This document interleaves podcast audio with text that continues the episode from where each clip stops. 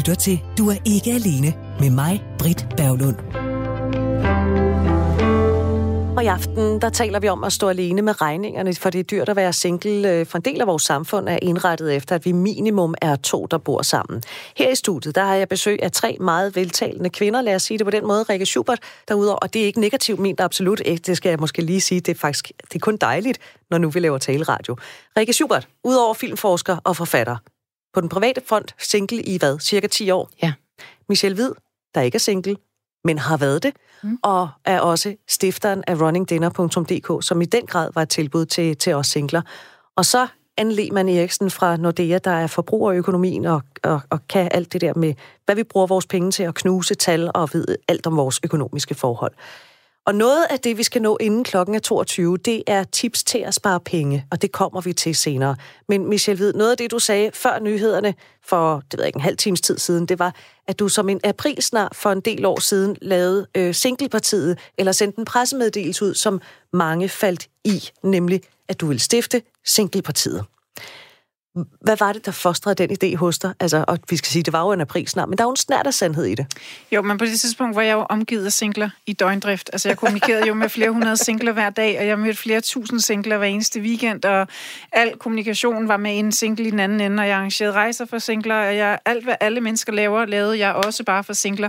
Havkajakkurser, øh, maraton for singler, salsa-rejser til Karib eller til Cuba. Altså, vi lavede alt, men bare for singler. Og så hørte jeg jo konstant de her singlers frustrationer. Og dengang var, øh, var øh, antallet af singler on the rise på vej op, hvor vi er i dag. Og Øh, jeg var godt klar at det nok var kommet for at blive, den trend var kommet for at blive, hvilket jeg jo enormt gerne vil tale med dig om en anden gang, at jeg også synes, at der er noget øh, erklæring i, at vi alle sammen gør os så uafhængige, at vi ikke behøver at connecte. Det synes jeg kan blive meget fattigt, men det er så ikke det, vi skal tale om i dag. Men jeg synes faktisk, at hengivenhed og tosomhed klart og stræbsomt, og har været det for mig i øvrigt hele vejen igennem. Så jeg har ikke været single på den der, jeg er single.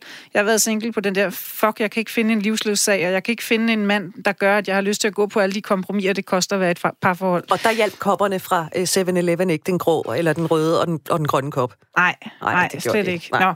Men øhm, så derfor mærkede jeg jo hele tiden det her behov, som jeg rent faktisk stadig tror er der, at, øhm, at der er, det er som om alle andre øhm, samfundsgrupper, som er i de antal singlerne er, de har fundet ud af på en eller anden måde at unite sig og få de fordele ud af, der er af at være i den gruppe, de nu er i. Jamen det så er pensionister, eller studerende, eller hvad det nu er.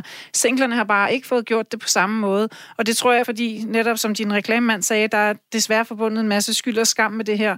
Og jeg kan også mærke for mig selv, at, at øh, usagt, og måske endda også nogle gange ikke usagt, så har der været den her med, hvad er galt med dig, siden du stadig er single?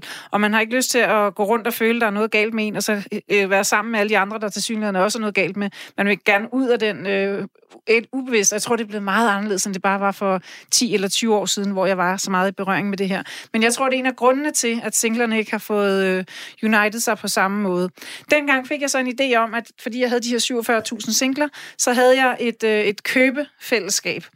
Og mit første firma, som så er 30 år siden, det var et interiørfirma, hvor jeg solgte sådan noget high-end interiør. Og derfor havde jeg sådan ret stor ekspertise i high-end produkter, som vi alle sammen gerne vil have. Den super fede blender, eller den super fede øhm, brødrest, eller den super fede et eller andet. Og så begyndte jeg sådan at lege med tanken om, at hvis jeg kontaktede fabrikkerne direkte, ligesom Bilka gør, når de parallelt importerede, så hvis jeg skrev til den super fede producent af den fede brødrester i England og sagde, hvor mange brødrester skal jeg købe for at få den fede rabat? Og så kunne jeg udbyde det direkte til mine 47 1000 singler, og på den måde springe et led over og hakke et godt stykke af prisen. Og der var for meget administration i det. Jeg var lige optaget noget andet, og jeg har jo aldrig været økonomisk drevet. Jeg er sikker på, at hvis der havde siddet en, der havde dollarsedler på hjernen, så var det blevet en blændende stor forretning, for ideen var god. Men på den måde, så mærkede jeg bare hele tiden, at der var en masse fordele, hvis vi kunne finde ud af at unite os. Og på den måde opstod ideen om det her singlepartiet. Og grunden til, at alle hoppede på det dengang, det var, fordi jeg var snedig nok til at købe singlepartiet.dk og lave sådan en helt flad hjemmeside, hvor der stod, øh, Michelle Hvid kommer snart. Så alle dem, dem, der synes, de gik ind og faktatjekkede min latterlige pressemeddelelse den 1. april, de røg ind på den her hjemmeside og tænkte, hun mener det skulle alvorligt. Anne Eriksen? Jeg kommer jo pludselig i tanke om, at øh, der er jo altså nogen, der har opdaget, at singler er en rigtig god forretning. Kig til Kina. De har jo indført single days. Single day. Oh, single det er day, det er, så vidt jeg husker, den 11 i 11. Og det er blevet en enorm handelsdag. Altså den, jeg tror i Kina, der øh, passerer den faktisk Black Friday. Fordi det er den dag, hvor singlerne forkæler sig selv, og de shopper amok. Øh, tænk, hvad jeg skal have. Jeg skal have noget til mig, så jeg, jeg får alle de her ønsker opfyldt. Og så kan man sige, at i Danmark er det der single days, det er ikke rigtig slået an. Og man kan sige endnu. Men det vi havde det her i november. Ja, det vi havde det, men det var ikke sådan øh, nogen stor sælgert men det kan det jo blive. Mm. Det kommer bare an på måden, de er pakket ind på, og også hvad, er, hvad, hvad, hvad man får ud af det, ikke også? Ja. Men noget af det, som dit parti gerne vil arbejde for, hvis det nu var blevet virkelighed. mm. virkelighed, det er sådan noget som singleboliger. Ja, jeg havde sådan en drøm om, at så kunne man... Øh, og det, det synes jeg i, i det hele taget stadig er en god idé, at øh, hvis folk finder sammen i de fællesskaber, de nu har, så kunne det være en hel opgang, hvor alle i opgangen var singler, og hvor nogle af de ting, som man har brug for, nogle gange, at man ikke nødvendigvis havde det i sin egen lejlighed. Det kunne være, at man indrettede to loftrum op ovenpå til gæsteværelser, så vi ikke alle sammen behøvede at have lejligheder på øh, 80 kvadratmeter, fordi at 50 var rigeligt til hverdag, og når familien så kom en gang imellem, så kunne de ryge op på de her gæsteværelser, man i United i opgangen kunne booke. Og det synes jeg det hele taget er en, er en god idé. Jeg læste den anden dag, at øh, der er et øh, bibliotek i England nu for ting, så der er en, øh, en boremaskine og en øh, hammer og øh, en rørmaskine og alting, hvad man skal bruge nogle gange på et bibliotek, hvor man så med, betaler noget for at være medlem af biblioteket, og så har man simpelthen kun øh, øh, motorsaven den weekend, hvor man skal save sit brænde, for eksempel. Og på den måde er det jo det hele taget bedre for os alle sammen, og bedre for miljøet, og i øvrigt også federe, fordi jeg vidderligt oprigtigt tror på, at lykken ligger i at gøre noget for hinanden, og lykken ligger i fællesskabet. Og når vi finder frem til de her fællesskaber, og finder frem til at kommunikere, hey Dag, må jeg lige låne din sav, så tror jeg, at det er den øjenkontakt, der er glæden i vores allesammens liv. Der er også singler, der vælger at flytte i bofællesskaber, og det skal vi faktisk tale om med, lidt senere med, med en, som ved relativt meget om det, Men med Michelle ved, Der er jo nogen, der vil mene, at det er i samfundets interesse, at vi ikke bliver for mange, der bor alene. Altså det vil gøre det dyrere, hvis der for eksempel er flere, der skal have boligstøtte. Øh, hvis der Men det er ikke det, der gør det dyre. der det, der gør det børnepenge, dyre. singleforældre, fripladser, eller hvad det kan være. Er det ikke fornuftigt nok, at man som single ligesom tvinges i godsøjen til at være på udkig efter, skal have nogle dele ægteskaber. Jeg forudser, at det bliver ret dyrt i den anden ende. Jeg tror ikke på, at det er nødvendigvis er det, der presser boligmarkedet. Jeg tror, at boligmarkedet, Nå, for samfundet. mit vedkommende, kan jeg bare se, at det er presset på grund af Airbnb. Jeg har en lejlighed stående nu. Skal jeg lege den ud i ny og næ og få flere penge for det, eller skal jeg have to studerende boende, der er pisseirriterende og larmer i weekenden? Jeg har den der stående tom, og så leger den ud i ny og næ med Airbnb, som giver flere penge. Det er det, der presser boligmarkedet. Det er alle mulige andre nye måder at færdes i verden på. Det er ikke nødvendigvis uh, singlerne, men vi, nu er det så ikke vi mere, fordi som sagt skal giftes, men vi skal have skyld for meget. Mm. Men det vil jo være dyrt for samfundet. Ja, og så vil det øh, gøre noget mere forbrug i den anden ende, som gør, at hjulene kører lidt hurtigere, som er en gevinst for samfundet. Jeg kan ikke øh, lave det store, det kan økonomen måske gøre bedre end mig. Jeg er som sagt ikke så økonomisk begavet. Men jeg tror simpelthen ikke på, at øh, vi kan ikke tvinge folk ind i ting, der gør det ulykkelige, og så tro på, at det er gavnligt for samfundet. Det er simpelthen for langt ude. Altså, det, du har ret i, at vi skal ikke bestemme, hvordan folk skal leve. Øhm, det, som der bare undrer mig, er, øh, at man ikke laver nogle flere forsøg med at bygge nye boliger, som efter det her princip lidt alle, som det du nævner, altså hvor man har en lille bolig. Mange vil jo gerne bo i byen, men de har ikke råd til de dyre boliger. Hvorfor laver man ikke nogle forsøg, hvor man bygger... Øhm, en, en blok med, med små boliger, og hvor man så har et fælles vaskeri, fælles bibliotek, nogle fælles gæsteværelser og en, en gildesal, og hvad ved jeg, lidt ligesom lidt ala kollegie, sådan at dem, som ikke har den store indkomst, men som gerne vil bo i byen, men de kan vælge en, en minibolig, øh, hvor de kan være sig selv og lukke deres dør, mm, og når de så skal have gæster på besøg, eller hvad ved jeg, jamen, så kan de bruge nogle af fællesarealerne.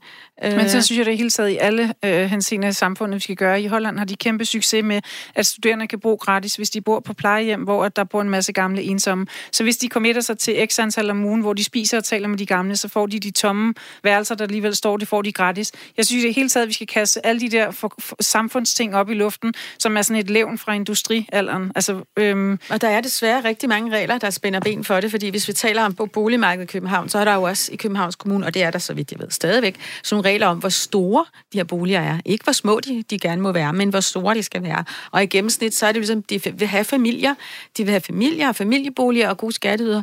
Men altså, nu er befolkningen altså består af rigtig mange forskellige mennesker, og øh, 38 procent, det er nogen, der bor alene, og, og, og dem synes jeg, man kunne godt tage hensyn til, og de kan jo bo alene, uanset om de er studerende, eller pensionister, eller bare er Man kan sige, også godt bo i et parforhold og bo alene. Man kan kender der masser, der bo gør. apart fra hinanden, ja, mm. præcis.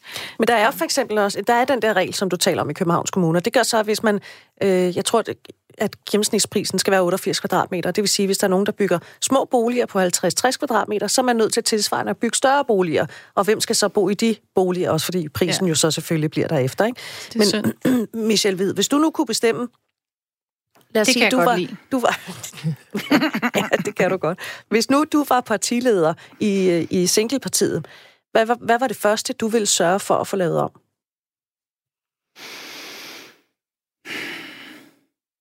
Må jeg lige tænke over det, mens du spørger en anden om noget andet, så sidder jeg lige summer over det. Ja, Anne Lehmann Eriksen. Altså, hvis nu jeg var viceminister i det her parti, så ja. ville jeg kigge på boligreguleringsreglerne og øhm, øh, bygningsreglementerne osv. Fordi der har jo været, altså hvad jeg i hvert fald ved, og det var i forhold til studerende, men jeg tænker, der er jo rigtig mange som gerne vil have en billig bolig, selvom de ikke er studerende. Fordi de, de vil gerne have, have fleksibilitet i deres liv, og hvis de kan klare sig med en lille bolig, så why not? Øh, men der er jo mange øh, regler, som spænder ben for netop øh, det små boliger, så det vil jeg. Øh, jeg vil tillade nogle forsøg, og så vil jeg bede om, at alle regler bliver sat altså revideret, så man, det, det skal ikke være til hinder for, at folk også kan komme til at bo småt, hvis de gerne vil det, og man kan bygge småt, og det er også lovligt. Og derfor synes jeg måske, at du skal være øh, minister, så kan jeg blive viceminister, fordi mit det drejer sig allerede om noget, der ikke har så meget med penge at gøre. Når jeg kigger tilbage på de år, jeg har været single, så har det afsavn, der har været, det har været noget fysisk, og det har været nogle øh, usynlige regelsæt om, hvad man måtte fysisk. Og øh, jeg tror, jeg vil hjælpe alle de her mennesker til, at øh, det blev mere øh, anerkendt, at øh, kvinder øh, har en seksualitet, at kvinder kan være liderlige, og hvis man ikke lige nødvendigvis er forelsket, så har man stadigvæk den ting i sig, og man skal ikke stigmatiseres for det, fordi jeg tænker, hvis man er i et forhold, og man har et virkelig dårligt sexliv, så knaller man måske 10 gange om året. Hvis man som single knaller 10 gange om året, har man sikkert knaldet 10 forskellige, og uha, som man skøge, i hvert fald hvis man er en kvinde. Og så kunne jeg simpelthen godt tænke mig, jeg vil, tror, jeg vil sætte mig ned og sige det første, jeg vil gøre, som nu har jeg gjort mig selv til vise præsident, eller hvad det var i det her parti, det var at lave en, øh, en opslagsbog om, hvordan man lever begavet som single, uden at få den her ensomhedsfølelse, der også kan være med det. De mange år, jeg var single, der havde jeg tit sådan noget, der hed øh, de søndage, hvor jeg ikke havde børnene. Der kom alle mine venner, single venner over til mig i løbet af formiddagen, og så så vi film, og så lå vi arm i arm og spiste burger, og holdt om hinanden og nussede hinanden i håret, fordi vi i virkeligheden var, havde det fysiske afsavn, og det interesserer mig meget mere end, øh, end økonomi. Mm. Men hvis vi går til det med boliger, det med sexlivet, det vil jeg lige lade ligge et øjeblik, men øh, det med boliger. Nu har jeg faktisk lige prøvet øh, med min søn, som er flyttet hjemmefra, at være med ham i banken et par gange og forsøge at få lån til noget bolig. Og så er øh, bankerne, der er kommet sådan nogle strammere regler for, hvordan de må låne penge ud. Så summa summarum er, at øh, de må vi har fået nej et par gange, selvom jeg ligesom så lånte sammen med ham, så vi var min indtægt og hans, og det viser sig, at der er mange banker, der siger, at de vil ikke låne ud til forældre og børn, men de vil gerne låne ud til par. Så hvis man var to, der var et par, så kunne man godt få det lån, men fordi det var mig og min søn, så kunne vi ikke. Øhm, men det, jeg vil frem til, det er, at summa summarum er, hvis vi havde fået lov til at låne de penge, og han havde købt en studielejlighed på Nørrebro, så havde han siddet for det halve af, hvad han gør, når han skal bo til leje. Så bankerne synes, at det er helt fint, at han bor til leje, og det koster det dobbelt af, at hvis han havde haft råd til at investere i en andelslejlighed eller en lille bitte ejerlejlighed. Og jeg tror, at det er en politik, der rammer rigtig mange af dem, der ikke helt har penge nok til at købe, men har råd til at betale en rigtig dyr husleje. Så hvis jeg var med i sådan en single partiet, så vil jeg sørge for at have noget... Øh, at man skal have fokus på, at bankerne øh, selvfølgelig godt må låne ud til dem, der har en god løn, og som har ligesom stor værdi. Men de skal også egentlig låne ansvarligt ud til dem, hvor... Mm, altså, hvis min søn og jeg var et par, så kunne vi godt have, have fået det lån. Men fordi at jeg var mor, og han var søn, så sagde de nej, fordi deres politik var, at den slags lån ydede de ikke. Og vi har så været hos tre forskellige banker, så vi har ligesom fundet en bank, der siger, at de yder faktisk den type lån. Og de andre banker, som vi har talt med, de gør det, øh, de har bare valgt, at de ikke gør det. Og øh, blandt andet en bank, vi talte med, og det, det var en over i det jyske, som øh, den øh, bankrådgiver, jeg talte med, hun var faktisk enormt flink og sagde, det kan vi sagtens finde ud af. Og da hun hørte, hvad min løn var, og min søn, som lige nu også har et job, og han vil snart blive studerende, så var hun, øh, jeg skulle, så fik jeg en af de her mails, jeg nu godt ved, hvordan jeg skal svare på, med 10 ting, jeg skulle sende til hende, og dem fik hun også, og så skulle vi holde et møde, og til det møde, så sagde hun så, at nu havde hun vendt sagen med sin chef, og hun havde desværre fået at vide, at den slags lån ydede de principielt ikke. Mm. Sådan lidt fra, at det kunne sagtens lade sig gøre. Jeg sendte hende alle papirerne til, at de havde valgt, at den slags lån ydede det ikke. Men det er jo nok, altså det, jeg ved ikke, om du har fået, hvorfor, hvorfor at de ikke gør det. Men banken altså, har jo drevet benhård statistik. Der sidder nogle aktuarer og regner, at I er... Det kan godt være, at I så ikke lige er i den kategori, men den kategori er en dårlig forretning. Og der sidder til lands, øh, finanstilsyn højere oppe. Altså, der, der er jo... Det, det er noget, nej, vil det være, det er noget andet. Det, det, så vidt jeg, hvad jeg kan regne ud, for du ved, jeg kender jo ikke sagen, men mm. der er selvfølgelig nogle regler, finanstilsynets regler, men, og god skik og så videre, man skal opfylde. Men det kunne godt lyde som om, der er nogle kautionstanker øh, ind over. Kaution, det er noget, man, man ikke rigtig... Øh, helst ikke bruger kautionsinstituttet. Det er, når du går ind og køber sammen med ham, så er det jo i virkeligheden, fordi du i virkeligheden kautionerer for hans lån. Ikke? Det er ham, der skal bo der. Du skal ikke bo der selv. Men jeg tror, det... det er sådan nogle tanker. Altså, uden at kende dine sagdetaljer, så tænker jeg, at det er, det er sådan noget, det juridiske er. Så det er nogle juridiske teknikaliteter. Men det, jeg tænkte på, det var, at min søn, øh, udover at han er min søn, så repræsenterer han jo alle de studerende, der, eller alle de unge, der er singler, og som nu skal ind på et boligmarked nu, og som bliver tvunget til at betale husleje, øh, i stedet for at købe noget, hvor hvis de købte noget, der var tilsvarende småt, så ville vi de bo for det halve. Øh, og der tænker jeg, hvis man havde et singleparti, at det skulle man da lave om på. Men det kunne man også godt gøre, hvis man havde et singleparti, og man var 47.000 singler, der gik ind og slog i bordet ved en bank samtidig og sagde, vi vil alle sammen gerne lægge vores bankforretning her, hvis I skruer lidt på knapperne. Og det er jo den magt, det giver at være i et fællesskab. Ikke? Mm. Er, vi, øh, er man som single en, øh, en mere risikofyldt kunde i en bank end Lehmann Eriksen, end hvis man kommer som par? Det tror jeg bestemt ikke. Nej. Det handler jo bare om, at øh, altså, hver enkelt engagement bliver vurderet for sig, øh, og øh, Altså, der er jo ingen tvivl om, at banker vil meget gerne låne penge ud, og det vil realkreditinstitutter også gerne. Det er jo det, de lever af. Det er mange, der tænker, uh, det vil de ikke. Jo, det vil de meget gerne. Men der er jo rigtig mange regler, der skal overholdes. Øh, og, øh, og, og, Ej, når, det, der, er, der, er, der er jeg faktisk ikke helt enig.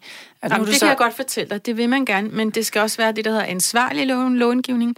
Øh, og, og, og det der i dag handler jo ikke kun om, altså at man vurderer, om ens kredit er valid. Nej, man skal også gå ind og lave meget grundige kreditværdighedsvurderinger øh, af hver enkelt låntager. Øh, og, og det kan være øh, sådan noget, at det falder på, at at man skal være sikker på, at den kunde, man har, at de faktisk også hele vejen rundt kan holde til at låne de her penge, øh, også når med for lidt horisont på. Men øh, så, så der er ingen tvivl om, at man, de vil gerne lukke penge, og man kigger på den enkelte, på det enkelte arrangement øh, hver gang. Men heldigvis, altså, så er det jo sådan, man som kunde, hvis man synes, man ikke bliver behandlet ordentligt der, hvor man er kunde i den bank, men så er det jo ikke forbudt at gå hen et andet sted og spørge om, øh, øh, om de kan gøre det på en anden måde. Men kan du sige, med, nu leger jeg bare lige, eller du er eksperten i det her, kan du sige med oprejst panden, at hvis der kommer en single mand ind med det samme regnskab som en single kvinde, altså får de den samme behandling i en bank? Men det vil jeg da håbe. Fordi, det vil jeg da også, men jeg tror ikke på det. Jo, men altså, ved du hvad, det kommer... Det? Ved, ved, ved du hvad, altså, det, det, det vil jeg tvivle... Altså, jeg tror, det, det kan godt være, det var sådan en gang, men det tror jeg ikke, det er mere. Slet ikke. Fordi man går jo ind i systemer, al, altså, man, de bruger alle mulige boligberegningsmoduler og så videre, og kommer dine tal ind og så videre. Øh, men hvis du har den op, opfattelse, eller det er din øh, intuitiv opfattelse, at kvinder får en dårligere behandling end mænd. Så Nej, det, det er ikke min intuitive Nå, okay. oplevelse, men det er min personlige oplevelse, Nå, fordi for ja. du sagde også før, at du har den maskuline tilgang til det, og jeg vil våge den påstand, hvis der var kommet en mand ind med den samme tilgang til, at man har en idé, og man har brug for at låne nogle penge for at sparke den i gang, så er risikovilligheden større, hvis det er en mand, end hvis der kommer en kvinde ind, og så tror de, hun er blevet... Altså, hvis jeg har gået ind i tidernes morgen og sagt, jeg har godt tænkt mig at lave en forretning, som øh, giver øh, et overskud på 5.000 kroner, eller 5 millioner kroner om året, hvor at jeg tænker mig, at folk skal tage hjem til hinanden og spise. Jeg tror ikke, der var nogen, der havde lånt mig nogle penge. Jamen, ved du hvad, det kan man, altså, nu må sige, det her med at, at tro på en forretningsidé og så videre, at du kommer med en forretningsidé, og du beskriver den, så er det jo altid en individuel bedømmelse, øh, om de så tror på det og siger ja, og der tror jeg bare, eller ej. i den bedømmelse tror jeg, at single kvinder står sværere end alle mulige andre i den kategori. Men hvorfor, det er min opfattelse. Hvorfor tror du det? Jeg har bare prøvet det så mange gange. Altså, jeg forestiller mig, at kvinder er, Men okay, er mere, lad os så tage, øh... se på statistikken. Ikke? Fordi hvis vi nu ser på statistikken, hvordan klarer kvindelige iværksættere, mm. det vil være rigtigt at kalde kvindelige iværksættere, ikke også? Mm. Ja? Hvordan klarer de sig i gennemsnit end mænd? Og så klarer de sig dårligere. Ja, og så er det så, det, banken så, kigger på. Ja, hvis ja. det var, de gjorde, det kan jeg ikke sige, om de gør, nej, fordi nej. At i virkeligheden, så skal man jo se på den enkelte sag, og, og, og så vurdere det. Og du, du, ja, det er helt med Men igen, og så kan man gå et andet sted hen mm. og sige, hvad siger I til ja. min idé? Og det er så det, man Men altså kan man sige, at vi har jo også alle sammen kender en masse historier om nogen, øh, som sagde, ej, jeg tror ikke meget på det der internet, og jeg tror ikke meget på de der telefoner, og jeg tror ikke meget på de der Beatles, hvad var det for noget mærkelig musik, vel? Og så blev det rigtig godt, eller det der ABBA, det er dig, ikke. Eller bøger, øh, hende der, der har udgivet alle de her troldmandsbøger, øh, hun måtte gå til rigtig mange forlæg, fordi de troede ikke på det der, vel? Så, så selvfølgelig er der nogen, der har fået et, et, et, et nogen nej for meget, men, øh, men altså, igen, det, altså... Ja, men selvfølgelig. selvfølgelig. Men, men altså, jo, banker vil gerne tjene penge, men de skal også overholde regler, og de vil også gerne være sikre på, at du kan holde til at låne pengene, og at de også kan få dem igen. Så der, der er mange ting indover. Faktorer. Så det er mere komplekst. Men der tænker jeg, at øh, statistikker er en interessant ting. Fordi statistikker kan også blive lidt selvopfyldende. Øh, forstået på den måde, at hvis statistikken siger, at øh, kvinder tjener mindre end mænd gør for det samme job, når kvinder så skal sidde og forhandle løn, så har de jo svært ved at forhandle for at få den samme løn som en mand, når nu statistikken siger, at de plejer at få en lavere løn. Så dem, de forhandler med, vil jo godt kende den statistik, og så vil det blive sådan en selvopfyldende Nu bliver jeg simpelthen nødt til at fortælle profeti. en uh, historie, som lige... Så når, når bankerne siger, at vi yder ikke den type lån, øh, så... Og når vi så spurgte, hvorfor gør I ikke det? Så var svaret faktisk ikke, fordi at det er, der er dårlig økonomi i for os. Svaret var, det er vores politik. Og, og det provokerede mig lidt. Jamen, så skal vi have det single Men det kunne der. godt være, at du så skulle have fået en, en mere uddybning omkring, hvad er, hvad er det en Er det noget, fordi at det, at det minder om kaution eller hvad? Det, det kunne du måske have spurgt dem om, fordi at, at det, Jamen, det var det, det ikke, det fordi var... at fra to forskellige banker havde vi, at budgettet hang fint sammen. Det kunne godt lade sig gøre. Der var sådan set ikke Men... nogen regler, øh, der gjorde, at vi ikke kunne få det lån. Men det var bankens politik. Fordi, okay. Og det, var, det synes jeg bare var en Og nu skal vi jo heller ikke sådan sidde og sagsbehandle her, nej, nej, nej, og, og Anne, Anne har heller ikke nogen aktier i det og sådan noget. Men, men, øh, men i hvert fald, som udgangspunkt, så kan man sige, at man er som single ikke en dårligere bankkunde, end Absolut hvis man kommer ikke. som par nej. eller familie. Man kan have lige så meget øh, goodwill i banken som Jamen, alle jamen, andre. og vi kan jo også se, at singler ejer også boliger og låner også, øh, har boliglån. Øh, og vil også gerne købe bolig, og, og kan da sagtens gøre og det. det er også alle sammen, der går ud og drysser pengene væk på store dyre tasker, så man mm, kan have lyst nej, til det. Nej, men altså... Nogle, nogle af os køber også biler, som vi faktisk ikke bruger særlig meget. Ja, nå, men det er jo Desværre. Det, det, er jo, det er jo det, der er ved at være single. Det er jo, at man bestemmer over sin egen økonomi. Hvor, hvor mange biler har du da, Rikke? Altså, det hang sammen med, at jeg blev skilt, og min mand havde alle årene sagt, at vi skulle i hvert fald ikke have nogen hund, så da jeg blev skilt, så skulle vi have en hund. Og så viste det sig, at den der, jeg synes at vi skulle have en stor hund, og den kunne man ikke lige tage med bussen, så ergo skulle jeg pludselig også have en bil. Øh, men det fik jeg også råd til, fordi jeg besluttede, at jeg ville fanden gerne med at have den hund, ergo så skulle jeg også have den bil, hvis jeg kunne skulle rundt. Så det var historien bag den bil, jeg egentlig overhovedet ikke har brug for, men jeg har både bil og hund. Mm. Og der har lært noget af dit økonomiske eventyr, eller hvad? Jamen, jeg har lært at få ind i budgettet de ting, jeg absolut gerne vil have, og så har jeg fundet ud af, apropos Airbnb, øh, så kan man jo øh, lege sin bil ud på GoMore. Så når man ikke lige bruger bilen selv, så kan man sådan set også få bilen til at tjene penge. Så nu kører bilen sådan, at den egentlig ikke koster mig noget. Til gengæld deler jeg den nogle andre. Jeg ser deleøkonomi, det er et godt emne. Mm. Det er jo et rigtig godt emne. Det, og det, jeg, jeg elsker jeg, det emne. Og jeg har faktisk lagt det ned i, øh, i det, som jeg kalder Ans spareleksikon, fordi du har jo et helt spareleksikon, det kommer vi til lidt senere, for altså, der kan man jo gå fuldstændig amok i alt det, hvor man kan i virkeligheden spare en mønt her og der, og få råd til det, som man virkelig drømmer om. Øhm, fordi man kan lege alt, og man kan lege alt ud. Og det mm. ved du noget om, Rikke, ja. så det vender vi også tilbage til. Øhm, men nu har vi talt enormt meget om, øh, om det her med bolig og sådan noget, og det kan jo være dyrt som vi har hørt, at finde en lejlighed eller et, en bolig og betale det hele selv. Og udover husleje, så er der også det der internet, som jo bare er en fase. Vi skal også vand, vi skal også elektricitet. Og det er der måske i virkeligheden råd for, fordi nu skal I møde Lærke. Lærke Palm har de sidste syv og et halvt år boet i et kollektiv, der hedder Maves Lyst. De fem af de år, det var som single, indtil Lærkes kæreste så flyttede ind for, for to år siden. Hej Lærke. Hej Britt. Du var single dengang, du rykkede din flyttekasser ind i, i kollektivet Maves Lyst. Hvorfor valgte du den form for bolig? Altså, jeg havde jo allerede boet i kollektiv i nogle år, før jeg flyttede ind i Maves Lyst. Og der, øhm, der tænkte jeg, at det var noget, jeg skulle prøve, mens jeg var single. Og så jeg fik en kæreste, og fik lyst til at få min egen toværelse. Men øhm, så fandt jeg ud af, at jeg fik sindssygt meget energi af at bo sammen med mennesker, og af at skabe ting sammen med andre mennesker, og have en hverdag og få inputs og sådan. Og så tænkte jeg bare, sådan bliver jeg ved at, jeg bliver nødt til at blive ved med at bo på den måde. Her i studiet, der sidder øh, Anne Lehmann Eriksen, der forbruger økonom hos Nordea, og Rikke Schubert, der er single, og så også Michelle Hvid, øh, der ikke længere er single, men til gengæld engang øh, barslede lidt med, med tanken om et singleparti. Og noget af det, som Michelle nævnte, det var, hvis nu man tog sådan en hel opgang og lavede det om til øh, single boliger, og så delte man nogle fælles arealer. Lærke, det er vel i virkeligheden også tankerne på et kollektiv? Ja, i høj grad. Altså, der er jo der er jo lige så mange forskellige slags kollektiver og bofællesskaber, som der er kollektiver og bofællesskaber. Og nogle steder, der spiser man en gang om ugen, eller man deler bare en stue, eller nogle steder, der deler man ligesom alt. Øhm, men altså, det de alle sammen har til fælles, det er jo det der med, at man forpligter sig lidt over for hinanden, og man har et, øh, nogle lidt måske tættere venskaber, eller ja, nogle mere forpligtende forhold til sine naboer, dem man bor sammen med. Og det kan jo være mega givende. Hvad kan bofællesskabet give singler, som man ikke finder for eksempel i en lejlighed alene, eller et hus, eller et eller andet? Altså, jeg har jo boet den største del af den tid, jeg boet i kollektiv, har jeg været single. Ikke? Og der, da, vi, øh, da vi var mange singler i kollektivet, der snakkede vi meget om det der med, at vi nok savnede en kæreste mindre, simpelthen. Fordi vi, vi boede sammen. Der var altid nogen hjemme. Der var nogen at se film med om søndagen. Altså, der var nogen at vende livets store spørgsmål med, eller karrierevalg, eller og selvfølgelig også det man nu datede eller ikke datede og sådan. Vi havde sindssygt meget altså, givende voksenkontakt og dybe samtaler og sådan noget, som man måske tit savner, når man er single. Og Michelle, det, det svarer jo til din søndag eftermiddag øh, for mange år siden, hvor du inviterede alle singlevennerne over, hvor I lå film og spiste burger og nussede hinanden. Det er det, det kan. Og det altså, synes jeg er så godt set, og jeg kan jo godt lide det, Lærke siger med, at, at det giver enormt meget energi at være noget for hinanden, og det giver enormt meget energi at tør gå ind i et fællesskab.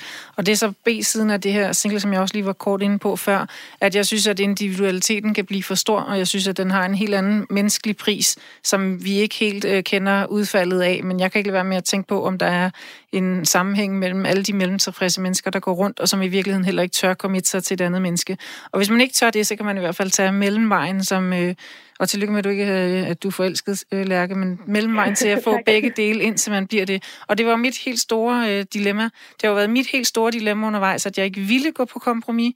Jeg under ingen omstændighed ville gå på kompromis, men jeg, jeg ikke vidste, om, øh, om der nogen, så vil stå en mand rundt om den næste hjørne, og så bliver jeg nødt til at skabe alt muligt fantastisk indhold i mit liv på vej hen mod, at jeg måske forhåbentlig en dag mødte en mand. Og mit har så ikke været så, jeg har ikke haft behov, det ville jeg nok have haft nu, hvor min datter er ved at være stor, hun er 13, hun skal alt muligt andet, min søn er flyttet hjemmefra. Her hvor jeg er nu, hvis jeg havde været single i dag, så kunne jeg sagtens have fundet på at flytte i et kollektiv. Men i de år, hvor det har kørt med Camille skulle dans, og Benjamin skulle til noget andet, og der, der har jeg haft masser af det der familieliv. Øhm, Øh, ja, så, men jeg kan sagtens forstå behovet for at indgå i et fællesskab, og det synes jeg er en af de helt store priser, singler betaler.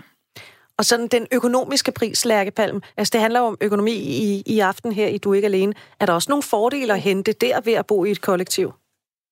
Det er der i de fleste kollektiver og bofællesskaber, er der helt klart en, en økonomisk fordel. Øhm, især nogle af de gamle kollektiver, som jeg har, har boet i, der er jo økonomien jo tit øh, ret god. Så der er en, øh, en lav husleje og et lavt lån i huset og sådan. Og så er der bare de daglige ting, vi deles om. Vi har en støvsuger, vi har en græslåmaskine, vi har en vaskemaskine, en opvaskemaskine. Vi har lige fået en ny opvaskemaskine for eksempel. Det skulle være en god en, som kunne holde til meget brug af mange mennesker. Den koster 7.500. Og det havde været mange penge, hvis man var single, tænker jeg. Øh, men det var der ikke nogen, der mærkede noget til, fordi vi havde en konto til den slags. Og hvis vi skulle have kommet ud alle sammen, ikke, så var det blevet en tiende del af prisen. Øhm, så det er der helt sikkert. Så er der sådan noget med, at vi smider næsten ikke noget mad ud. Vi køber stort ind. vi kan købe ind øh, en nogle gange og få leveret til døren og sådan. Øhm, og fordi vi køber så store mængder, så skal vi ikke betale for levering. Øhm, vi laver mad sammen. Øhm, der er altid nogen hjemme til at spise rester eller tage dem med på frokost og sådan noget. Så, så der sparer vi helt sikkert også nogle, nogle penge i forhold til at bo alene og have sit eget madbudget. Og hvor mange bor I i dit kollektiv? Lige nu er vi 10-11 voksne og tre små børn. Altså, jeg må sige, jeg, jeg, jeg kan godt blive lidt skræmt. Altså, jeg kan godt lide tanken, men jeg kan også blive lidt skræmt ved tanken om hele tiden at have andre mennesker omkring mig. Jeg har også brug for bare at lade mig bare være. Altså, jeg har brug for to dage, hvor jeg ikke taler med, det kan med man et også, eneste man menneske. bor i et kollektiv. Jamen, kan man det? Det da kan man i rigtig mange kollektiver. Altså, kollektiver er så forskellige. Altså, lige her, hvor jeg bor nu, der er det jo der er vi meget tæt. Og det er også noget med, hvordan huset er indrettet, og vi spiser sammen hver dag og sådan noget.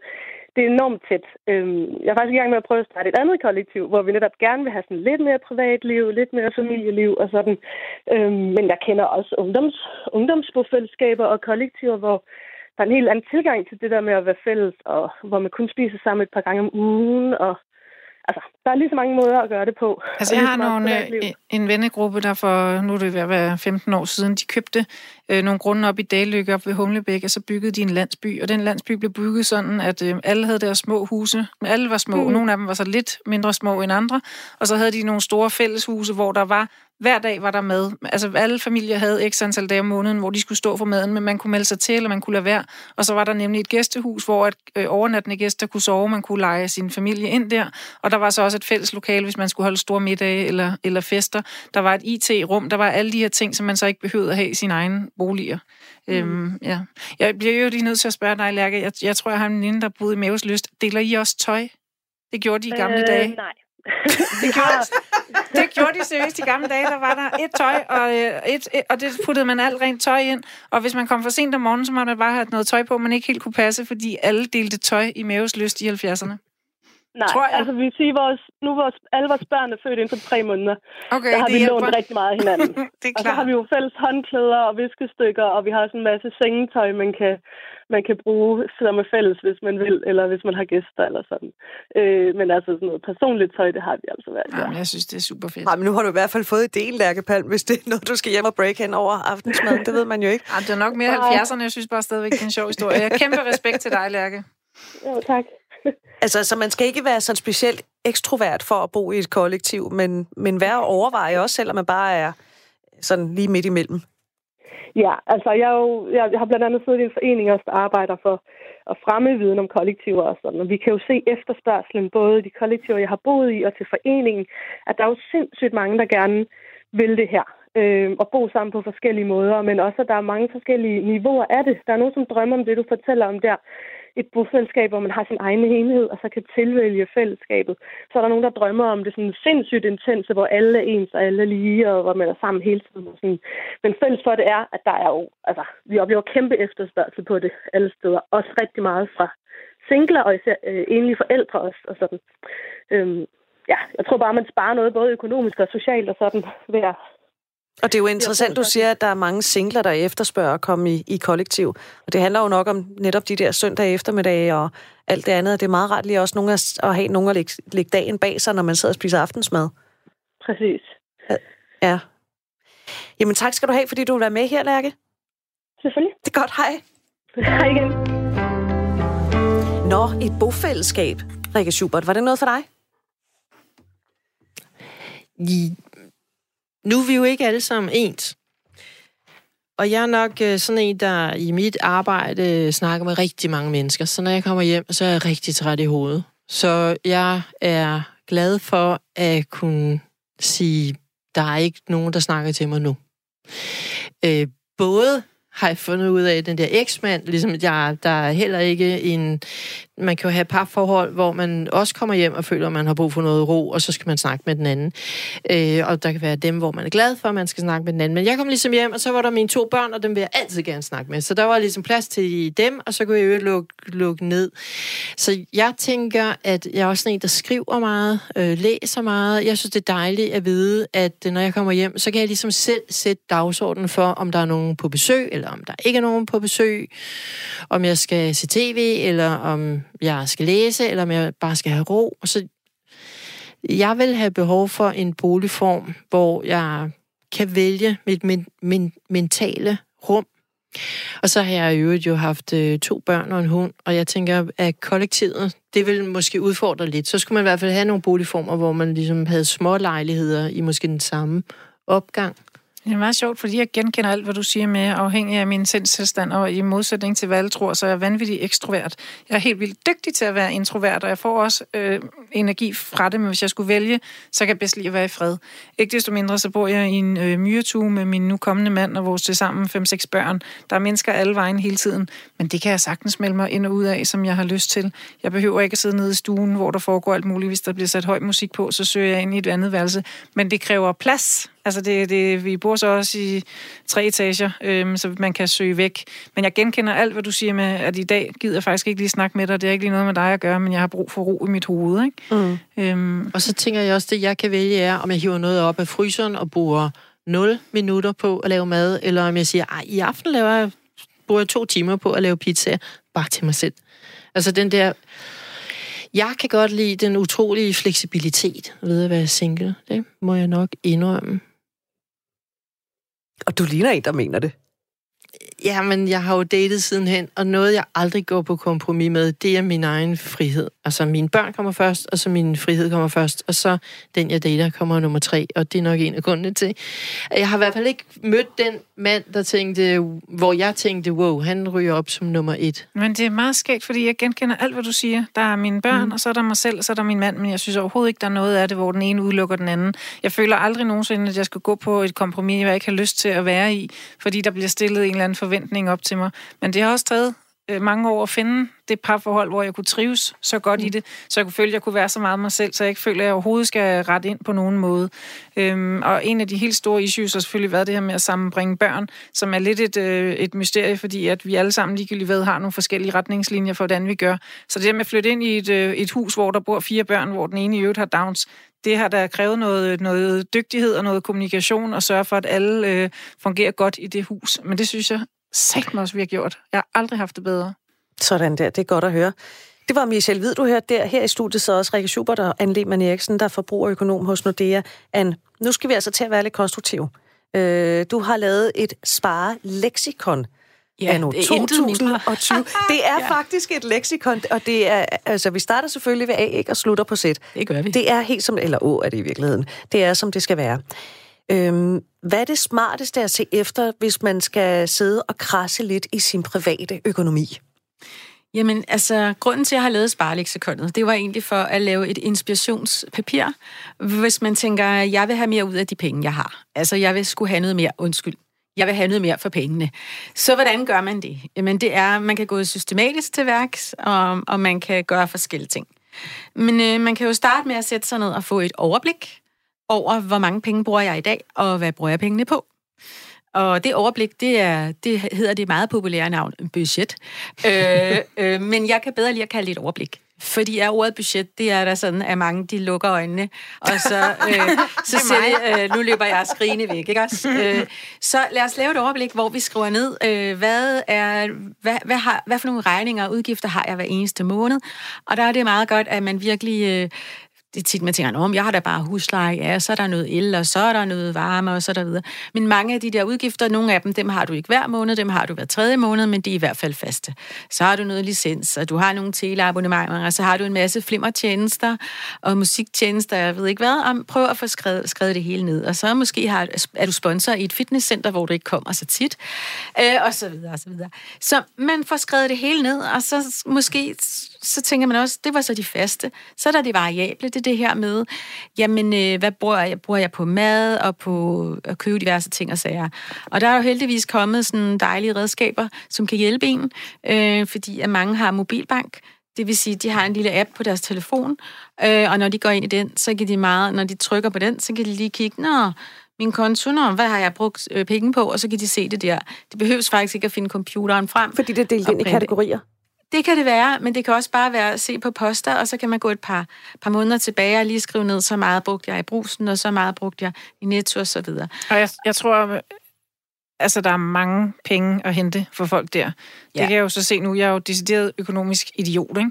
Og nu har min så kommende mand siddet og kigget på det, og han undrer sig for eksempel over, at jeg betaler 500 kroner om måneden for tv-abonnement i en lejlighed, jeg ikke har boet i et års tid.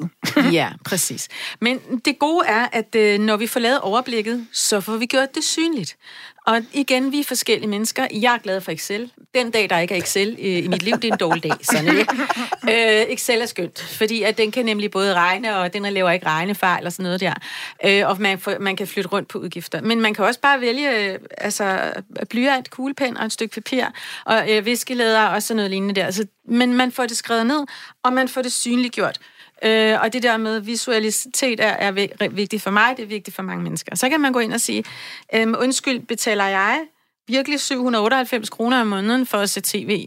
Øh, jeg ser jo faktisk næsten aldrig tv, så det kunne være, at det var der, jeg skulle øh, altså simpelthen sige det op, øh, og så se, om jeg kunne undvære, og så bare øh, se de kanaler, jeg kan gratis på min computer, eller få blæst computeren op på, på min tv-skærm, fordi man kan jo se, nu betaler vi jo licens i forvejen, men DR's kanaler kan man jo altid se, det behøver man ikke at abonnere på.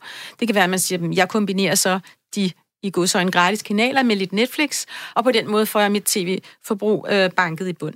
Det kunne være et sted, som siger fitness, hånden på hjertet, jeg kommer der to ja, nu er det hånden på mit eget hjerne, hjerte. Jeg kommer der to gange om måneden. Det er lige i underkanten, ikke? Til de der 500 kroner om måneden. Så der enten skal jeg komme noget mere, ikke? Eller også så skal jeg sige op. Og der må man jo så snakke lidt med sig selv og diskutere lidt med sig selv. Det kan være, at man så kan blive enige om, hvis jeg siger det op, så sparer jeg sørme så meget hver måned. Men så cykler jeg altså også til arbejde. Fordi motion skal man have, så, så man skal finde ud af, hvordan kan man få gratis motion. Jeg tager trappen, jeg går, hvis jeg kan, øh, og så videre, så videre. Jeg løber en tur og nogle ting, der også er mere fleksibelt. Altså tænke i billige alternativer. Øh, sådan her gør jeg i dag, kan man gøre det på en anden måde. Men når nu man har lavet det der flotte budget, Altså, hvor tit skal man egentlig kigge det efter? Jamen, altså, hvis du har et budget, skråstreg et overblik, så Nå, synes undskyld, jeg, du skal... Ja, men så skal du bruge... Du, skal, du kan bruge det til, at du kan få luet ud i nogle udgifter. Det er det ene, du kan bruge det til. Men det skal jo også leve og virke. Jeg har en, den sødeste, sødeste kollega, Jette, øh, og hun er tidligere har hun været bankrådgiver, nu har hun en anden stilling i banken. Men Jette er nok den, jeg kender, der bruger sit budget mest aktivt. Og hendes datter, der læser, har også lært at lave budget, som hvor mor laver det. Og det er jo sådan et, hvor man kigger, nu er det øh, ved et årsskifte, så ser man på, altså hvad kommer der i løbet af året. Og Jettes model er, at man lægger selvfølgelig alt det fast ind. Men hvis man ved, at vi skal jo på ferie til sommer, skal vi til Bornholm i tre uger, vi leger et hus, det koster sådan og sådan, jamen så ved man, når man der kommer jo en udgift for 15.000, så bliver den i hendes verden lagt ind i det faste, sådan at man fordeler udgiften hen over hele året, sådan at, at så meget som muligt er fast, og vi ved, at vi har en rund fødselsdag osv., og, og så lægger man så meget ind på fast, sådan at det, der er tilbage i rådighedsbeløb hver måned, jamen der har man taget højde for en masse ting. Og nogle gange, så ender det jo med, når året er gået, altså fik man ikke rejst alligevel, så giver det overskud. Jeg vil lige sige, at øhm, så... for, for, for, for mig, som øh, jeg fungerer ind i hovedet som person, så er det der jo giver det helt afsindig mening og er fuldstændig aldeles volapyk. Men jeg er også kommet frem til, at det der det er nødvendigt og jeg kan ikke selv finde ud af det. Så, skal så jeg du bare tilkøber ja. den tjeneste. Ja. Og den frihed, jeg har fået i det, jeg får det stadigvæk op indimellem, fordi jeg så ikke gør, som de siger. Men den frihed, jeg har fået i, at der er nogle andre, der har hjulpet mig med at sige, at dit rådighedsbeløb er, og hvis du vil det, så skal du. Det er simpelthen øh, øh, ret mange penge værd for mig, øhm, og det, det har jeg så gerne betale noget for. Ikke? Men altså, man kan sige det sådan, jamen, altså nu, der er jo mange mennesker, der faktisk, det ved jeg også fra mine mange undersøgelser, vi hjælper hinanden. Der er mange, så, de, øh, så hjælper forældrene børnene, eller, eller omvendt, eller ens søster eller bror, eller nogen hjælper en, og så siger jeg er altså ikke så god til det der. Så siger de, om, lad os lige se på det, og man drikker en kop kaffe eller en kop te eller et eller andet, og så kigger man på det, og så siger man, nå ja, men ho, ja, Gud betaler, nå, betaler du så meget for din telefon, jeg betaler kun sådan her, nå, okay, så vi lærer også rigtig meget af at snakke med hinanden om det, og hvis man ikke synes selv, at man er en ørn til det her, men så er det godt, at man kan få, nogen betaler for det, at de får lavet professionelt, men man kan så også hjælpe hinanden med det, og så er det egentlig meget af det, der kan man sige, det er en god investering i tid, fordi har du lavet det en gang, og fået lagt ting ind til automatisk betaling, så er det ligesom, så kører det. Så, jeg, jeg så kan, kan du tage, nu, tage styr på noget andet Jeg står i noget gevaldigt økonomisk bøvl lige nu, og det er fordi, at jeg har sparet lige nøjagtigt den udgift de sidste par år, og det kan jeg jo bare se fuldstændig snorlige, at hvis det havde kørt, som det havde kørt nu, så var der en, der havde fortalt mig for et år siden, du kommer til at få problemer i øh, januar 2020. Ja. Og det har da været smart at få at vide i januar ja. 2019. Ja. Ja. Rikke? Altså, øhm, jeg er helt enig i det med overblik, budget. Øh, og noget, jeg gjorde, da jeg blev skilt for... Øhm, jeg kan stadigvæk huske mit møde, da jeg så kom til det næste møde med Kirsten der, og jeg havde papirerne med, og hun havde også sådan et Excel-ark. Så jeg er all in, hvad angår Excel-ark, og så havde hun en række poster, og så havde jeg fyldt posterne ud, og så sad hun og kiggede på mine tal. Og så gennemgik hun, jeg havde jo regnet mig frem til, at jeg havde råd til den der ejerlejlighed på Frederiksberg. Ah, sagde hun, statistikken siger, at en øh, familie som din med to børn lever for det og det. Og så gennemgik hun alle de poster, hvor jeg, jeg havde tænkt, jeg kunne sagtens leve for sådan. Nej, siger hun, det troede hun ikke, at jeg kunne. Jo, jo, men, mente jeg. Det korte af det lange var, at jeg sagde sådan, jeg kan leve på en sten. Ja, siger hun, men tror du, at dine to børn kan leve på en sten? Tror du ikke gerne, de vil have råd til ting som ferier og Playstations og den slags? Jo. Så egentlig det, jeg gjorde for at få råd til det, jeg egentlig ikke havde råd til, det var så, at jeg begyndte at kigge på, det var også hendes for, forslag, at man kunne se på, på udskrifterne fra, når man brugte ja. sit kreditkort, for det, det kunne man jo ligesom ikke snyde sig til. Så hun kunne jo også hive op hvad jeg de sidste måneder havde hævet på mit kreditkort i, i banken. Så hun kunne godt se, at hvad jeg havde brugt de sidste par måneder, svarede jo ikke til det, jeg tænkte, jeg kunne bruge, da jeg lavede budgettet. Så det med at egentlig... Jeg havde faktisk et stykke papir i køkkenskuffen, og så hver gang jeg havde brugt noget med mit kreditkort, så skrev jeg det ind, så jeg egentlig kunne tælle sammen øh, måned for måned, og egentlig uge for uge. Og det med at registrere og skrive ned, det afmystificerer de der med, en, en ekstra gang. Ja, altså, at man tænker, jeg kan sagtens leve for et eller andet x antal kroner den her uge. Nej, det kan man sandsynligvis ikke. Og hvis man skal kunne det, så skal man lære at stå og sige, nej, jeg har ikke lige råd til den der kaffe latte. Ja. Så, skal man, ja, så skal man nemlig gøre det svært for sig selv ja. at forbruge penge. Så skal man slette MobilePay fra telefonen. Ja. Øh, betalingskort, det er sådan noget, der ligger hjemme i skuffen, og man har kun lidt kontanter i lommen, så man simpelthen ikke har nogen betalingsmed, altså man har kun lidt øh, kontanter. Men, men, men du har ret i, at, at vi tit er lidt for, vi lider alle sammen af optimisme. Mm. Det er rigtig dejligt. Øh, men i for, også i forhold til, når vi skal lave en ændring med ens økonomi og sådan noget, så lider vi også af ø- ø- øh, optimisme. Vi glemmer, at der også kommer uventede udgifter og alt det der. Så derfor er det rigtig godt at se, hvordan plejer man at leve, ved at kigge baglæns og se, hvad var mit forbrugsaftryk, Øh, print øh, kontoudskrifter ud og kigge, gud, når ja, det var urigtigt. Se, hvor meget blev det til på et år. Og når ja, jeg var også til tandlægen, og når ja, bilen den skulle repareres for 10.000 kroner. Og så gud, hvor er sushi dyrt. Men, øh, og så skal ens hund også lige til dyrlægen. Præcis. Ja. Og, den slags. Så, og det kan man lære lidt af, og så kan man skære lidt histopist. Og så er det et, et andet godt råd er, at man kan prøve, hvis man siger, jeg vil godt have det lidt bedre, når vi kigger fremad, så er alt øh, forskning og på Nobelpristærniveau viser, at hvis du hvis du vil være bedre til at spare op i morgen til i morgen, så kan du træffe en beslutning om, at for eksempel næste måned, så vil jeg begynde at spare 500 kroner op hver måned, og så sætter, du en så sætter du det ind som en fast udgift opsparing, så det bliver trukket ligesom dine andre udgifter, og så bliver det så ført over på en opsparingskonto. Sådan at i stedet for at få udbetalt x kroner hver måned som rådighedsbeløb, øhm, så har du bare lidt mindre. Og så vender du dig bare til, at der er lidt mindre højt til loftet, men at dit forbrugsmaksimum er lidt mindre. Men samtidig har du en opsparing, der står og, og vokser derover, som du kan bruge til uventede ting, eller bare til at få dig en buffer, fordi 4 ud af 10 danskere har faktisk ikke penge til uforudset udgifter, og det er jo ikke så godt. Hvor stor buffer bør man egentlig have i sit budget? Det har jeg faktisk øh, undersøgt et par gange, og jeg vil godt hånden på hjertet og alt muligt sige, at rigtig mange danskere er godt kørende, hvis de har en netto månedsløn stående, som er reserveret til uforudset udgifter, så kommer man rigtig langt. Jeg fik brug for en på cirka en million, da jeg blev syg. Ja, men det er heldigvis... Ja, men, men jeg ja. siger bare, jeg havde så heller ikke, jeg havde heldigvis noget af det stående, og efterfølgende brugte jeg så nogle penge, jeg ikke skulle have brugt på det, på at lære at gå og stå og tale igen. Mm. Men det der er en uforudset udgift, som jeg... Altså, det er jo naboen, der bliver syg. Præcis. Men ellers, hvis vi bare ser på, at bilen går i stykker, man skal mm. til mhm. tandlægen, altså almindelige ting, øh, køleskabet skulle skifte, så vil en netto månedsløn, den rækker rigtig langt. Men øh, hvis man har sådan, øh, bor i en lidt ældre bolig, måske har en hund, mm. en gammel bil, så jo mere man har, jo mere kan gå i stykker. Man har et par børn, de går begge to med briller, så vil jeg nok anbefale, at man har måske to, to månedslønninger stående, så er man godt kørende. Rikke Altså noget, jeg har arbejdet med, det var hmm, at gøre tre ting. Og det ene var, at det var den søde Kirsten, min bankrådgiver. Jeg skiftede senere bank, så, men hun var virkelig lærerig at øh, have nogle gode møder med. Det var at øh, se realistisk på de udgifter, der kommer, så man ikke tænker, ej, nu er det jan- januar, og nu skal jeg spare en masse penge. Og så går man på udsalg, og så køber man alle de ting, der er tilbage, som man egentlig ikke har brug for. Fordi og så var det egentlig billigt at købe det ene par super fede jeans til fuld pris, som man har brug for, og ikke alle de ting, man ikke havde brug for. Så det ene er at spare på ikke at have nogle forkerte udgifter. Det andet, som jeg så gjorde, var også at finde ud af, hmm, altså egentlig er der udgifter, der kommer, som jeg ikke havde forventet, som jeg gerne, sådan nu den her hund eller bil, eller at tage et halvt år fri og rejse ud uden løn, og hvordan får jeg råd til det? Så egentlig også at tænke sådan lidt, hvordan kan jeg skabe nogle penge, som ikke lige er nogen, jeg kan hive fra min løn, men for eksempel, hvis jeg gerne vil på ferie til Frankrig med mine to børn og min bil og min hund, hvordan gør jeg det?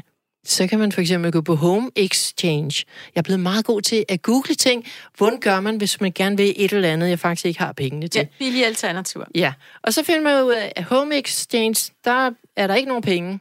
Så der har jeg været på fede... Det er en ren bytning, at man ferie. bytter med nogle andre. Ja, hvor jeg har boet i fantastiske hjem, hvor folk havde mange flere penge, end hvad jeg havde, og jeg kunne låne alle deres ting, og deres cykler, og deres bil, og ting og sager. Så, så det med egentlig både at tænke at spare og være fornuftig, men også at tænke, hvis jeg nu har de her drømme, hvordan får jeg opfyldt dem, så kan man nogle gange godt trylle penge frem, som ikke er nogen, man behøver have sparet op eller tjene, men som man ligesom kan trylle frem ved at gøre noget i en, den her øh, bytteøkonomi. Jeg har en, øh, en øh, gammel underbo i min gamle opgang, Lotte.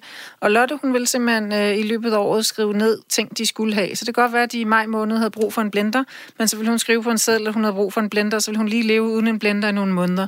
Og så ville hun lave en liste over, hvem hun skulle give julegaver til, og hvad hun gerne ville give dem, og hvor man kunne få det henne. Og så ville hun bruge hele sit års budget på Black Friday, men hun ville ikke købe en eneste ting, som hun ikke havde redegjort for før på sin liste. Og så rakte pengene jo bare vanvittigt langt. Og jeg er så imponeret over det hvert år, når hun ligesom får, lægger billeder op på Facebook af alle de her ting, der kommer hjem med posten, som hun har købt. Fordi hun rent faktisk, i modsætning til alle os andre, som bare køber noget mere, vi ikke har brug for, noget lidt forkert, vi ikke helt skulle have haft, så bruger hun det vanvittigt begavet på at købe de ting, hun skulle have, både flere måneder før og flere måneder efter. Det køber hun den dag, hvor at hun kan finde det på tilbud. Ikke? Og det er jo i virkeligheden kunsten, det der også med at behovsudsætte. Ja. Øh, og, du, og du har jo du jo opfinder uh, Anne Lehmann Eriksen af det der hedder robotreglen. Ja, men det er rigtigt, robotreglen. og det var robotreglen. Når du sidder og indviger sig i robotreglen. Øh, ja, men det er fordi jeg har givet sådan lidt uh, plustips, der kan hjælpe dig, og et af dem er husk robotreglen. Hvis du giver en indkøbsseddel til en robot, så kommer den jo kun hjem med det planlagte, og den er ikke til falds for noget som helst. Og pointen er, at øh, vi andre, vi har altså lyst, og når vi kommer ud i butikken, mm, købe stimulerende musik, og der lå lige fem. Tre for, tre for fem, fem ja. for tres pris, og så videre, så videre. Vi køber altså rigtig meget, som ikke står på siden. Men hvis du sender sådan en, en robot udgave af dig selv ned, og kun køber de, der er på sæden, så kommer du altså øh, hjem med kun det, og så øh, har du ikke brugt penge på noget som helst impuls. Altså, jeg kender jo en kvinde, hun gik ud for at købe en iPad, ikke? og kom hjem med en bil. Altså, det er jo ret ekstremt. Altså, der kan man tale om, at man måske ikke... der kan man godt tale om, at man måske ikke helt behovsudsætter. Nej, men altså, ved du hvad, jeg kan også sagtens lave impulskøb og sådan noget der. Øhm, det må jeg indrømme. Men, øh, men det er da altid en god idé at tænke over, er det virkelig noget, jeg vil have? Og i virkeligheden også at sove på det, fordi vi kan alle sammen blive forelsket i de der par pæne jeans, eller de der sneakers, eller hvad det jeg nu er. Lavet, jeg har lavet en regel på nettet, der hedder, hvis jeg ser et eller andet på nettet, jeg gerne vil købe som regel tøj, så ligger det en indkøbskurv, og så går jeg tilbage ugen efter, og så vil jeg tit ikke have det. Ja, men det er en rigtig god idé. Sov på det. ja, virkelig. Det er sådan en cooling-off-periode på en uge, du har. Altså sådan en cooling-off-periode er rigtig god. Den, øh, den, den, den kan gøre, at man faktisk køber mindre og siger, ej, vil jeg virkelig have den kjole i sidste uge? I denne uge vil jeg have en anden kjole. Men det kan godt være, at næste uge jeg faktisk ikke ville have haft den. Så vil jeg hellere have en jogging. Sindssygt at spare ja. mange penge på, at de har sovet på det. Ja. Vi har under et minut tilbage, Rikke Schubert. Jeg vil bare sige, at øh, robotreglen, jeg har øh, nogle gange, når man er ude at rejse, så kommer man jo forbi den der ting, man godt kunne tænke sig, og så kan man ikke lige sove på det til i morgen, fordi så er man et andet sted. Så der har jeg øh, indført øh, en regel, som er, at hvis Mona, som var med på turen til Ægypten, hvis hun ville gå fra den her ting, så vil jeg også gå fra den. Øh, så derfor... Det er Mona-reglen? Det er Mona-reglen, og øh, inde i en butik, hvor øh, jeg forelskede mig i en ting, og hvor ham, der solgte den, sagde 1500 egyptiske pund der spurgte Mona mig på dansk, hvad vil du give for den? Så sagde jeg 100 egyptiske pund. Så fik jeg den efter, at vi havde købt slot til 100 egyptiske pund. Og det var øh, Mona-reglen med, at fint, så giver du kun det, du har besluttet på forhånd, du gerne vil give. Og så fik vi Mona-reglen, og vi fik også robotreglen, og så fik vi alle mulige andre gode tips og tricks. Vi skal til at lukke ned for, for i aften. Anne Lehmann Eriksen, forbrugerøkonom hos Nordea. Tak fordi du kom. Rikke Schubert, tak fordi du kom. Michelle Hvid, tak fordi du kom. Og så vil jeg sige tak, fordi du lyttede med, og har du lyst til at komme i kontakt med os, så kan du sende en mail til ikkealene radio4.dk, ikkealene radio4.dk. Programmet er produceret af Pibesovs Productions for Radio 4.